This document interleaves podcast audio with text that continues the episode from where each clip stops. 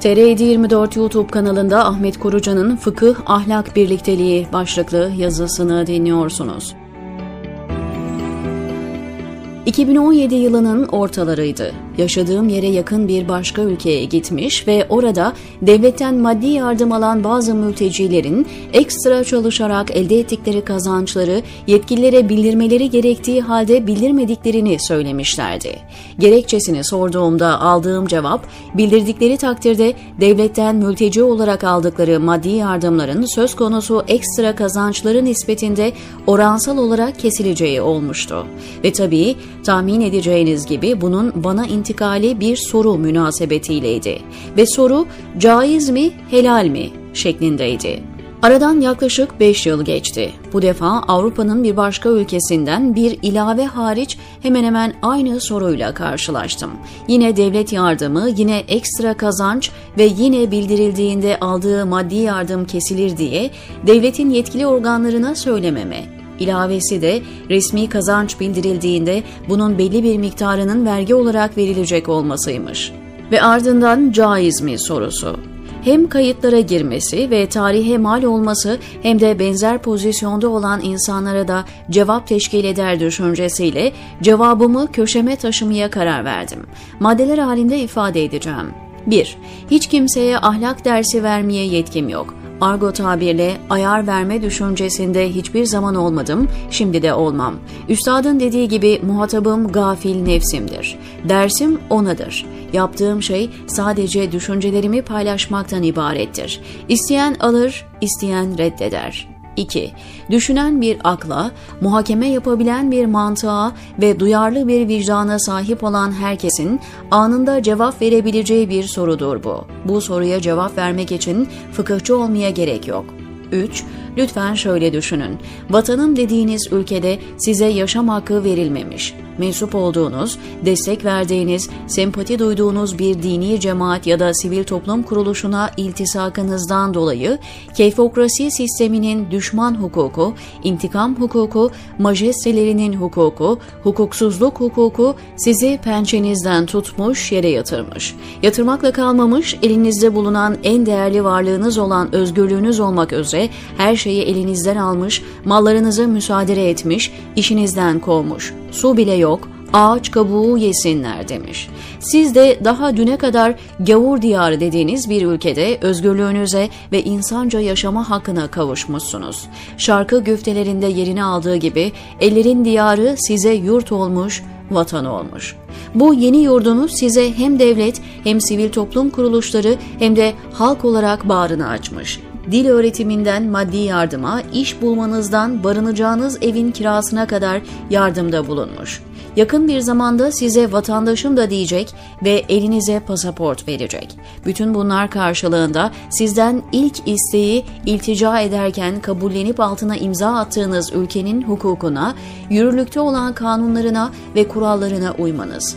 Sözü uzatıp devam edeyim mi yoksa Arife işaret kafidir deyip ee deyip geçeyim mi? Devam et diyorsanız bir iki cümle ilave edeyim. Önce bir soru. İltica ettiğiniz ilk günde bugün arasında ne değişti? Uyacağım dediğiniz kanun maddeleri ve altındaki imzanız hala orada duruyor.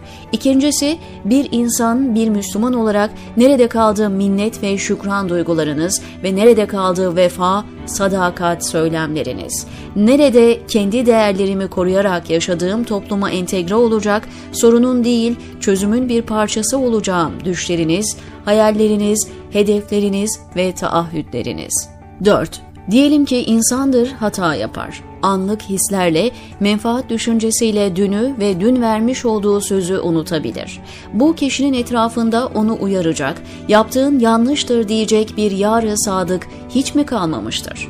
Eşi, dostu, akrabası, arkadaşı, kardeşi, Üstadın benim boynumda veya koynumda bir akrep bulunduğunu biri söylese veya gösterse ondan darılmak değil belki memnun olmak lazım gelir. Beyanı şimdi hayata geçirilmeyecek de ne zaman geçirilecek? Hani iyiliği emretme, kötülükten sakındırma? Nerede Efendimizin münker gördüğünde eliyle ve diliyle def etme, güç yetmediğinde de kalbiyle buğz etme emri ya da tavsiyesi? Şöyle düşünüyorum.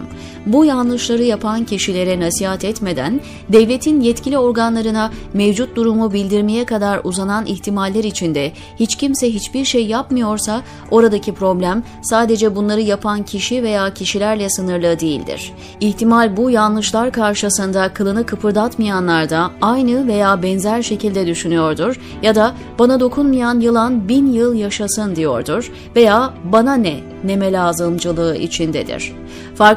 Farkındalardır değillerdir bilmiyorum ama geminin alt katında su içmek için gemiyi delen insanlara güverteden bakmaktadırlar. Bu kişinin yakın çevresinde yerini alanlar. Halbuki kendileri de o batan geminin bir ferdidir ve bu duyarsızlıkla o da onlarla birlikte batacaktır. Dolayısıyla problem görüldüğünün aksine çok daha köklü ve çok daha çaplıdır. 5. Fıkhi hüküm deniyor ve ben bunu çok iyi anlıyorum. Çünkü bizim fıkıh anlayışımızda ahlak ve ahlaki umdelerin fıkhi hükümlere yansıması asırlardır ihmal edilmiştir. Fıkıh ahlak bütünlüğü bozulmuş ve parçalanmıştır. Ahlaki kaideler uyulsa da olur, uyulmasa da olur diyebileceğin bir yere bırakılmış, fıkhi hükümlerde sadece şekle irca edilmiştir. Dolayısıyla şekil şartlarına uyulduğunda kişi vicdani bir rahatlığa ermiş ve yaptığı şeyin ahlaksızlık, vicdansızlık olduğunu bile bile yapmıştır. Yapmıştır zira ona göre din kendisine cevaz vermiştir. Örnek olsun diye sadece kavramları zikrederek bir hatırlatmada bulunayım isterseniz. Para vakıfları, faiz, beybil vefa, beybil istilal, iğne, muamele-i şeriye. Hasılı devraldığımız fıkhi mirasın bugüne taşınmasının imkansız olduğunu gördüğümüz içtihadi hükümlerini, metotlarını taklit etmenin, ısrarla onlara müracaat etmenin bir anlamı yoktur. Evrensel insani değerlerin, ahlaki kaidelerin, hukuki hükümlere etkisini tıpkı Kur'an'da ve Efendimizin hükümlerinde olduğu gibi yansıtmak mecburiyetindeyiz. Başka bir ifadeyle fıkıh, ahlak birlikteliğini yeniden inşa etmeliyiz. Şekil şartları itibariyle itibarıyla hukuken caiz ama ahlaken ayıptır, yanlıştır, doğru değildir deme, insanımızın ahlaktan da dinden de uzaklaşmasına ve arasına mesafe koymasına vesile oluyor. Bu gerçeği görmemek için kör olmak lazım.'' İslam'a bütüncül bakış bunu gerektirir. Kazuistik yaklaşımlarla bir meseleye çözüm üretebilirsiniz ama bununla bütünlüğü bozduğumuzun artık farkına varmalıyız. Bindiğimiz dalı kesiyoruz diyeceğim de o dal çoktan kesildi. Dal da biz de yerlerde sürünüyoruz. Bu soruda onun delili diyor Ahmet Korucan TR724'deki köşesinde.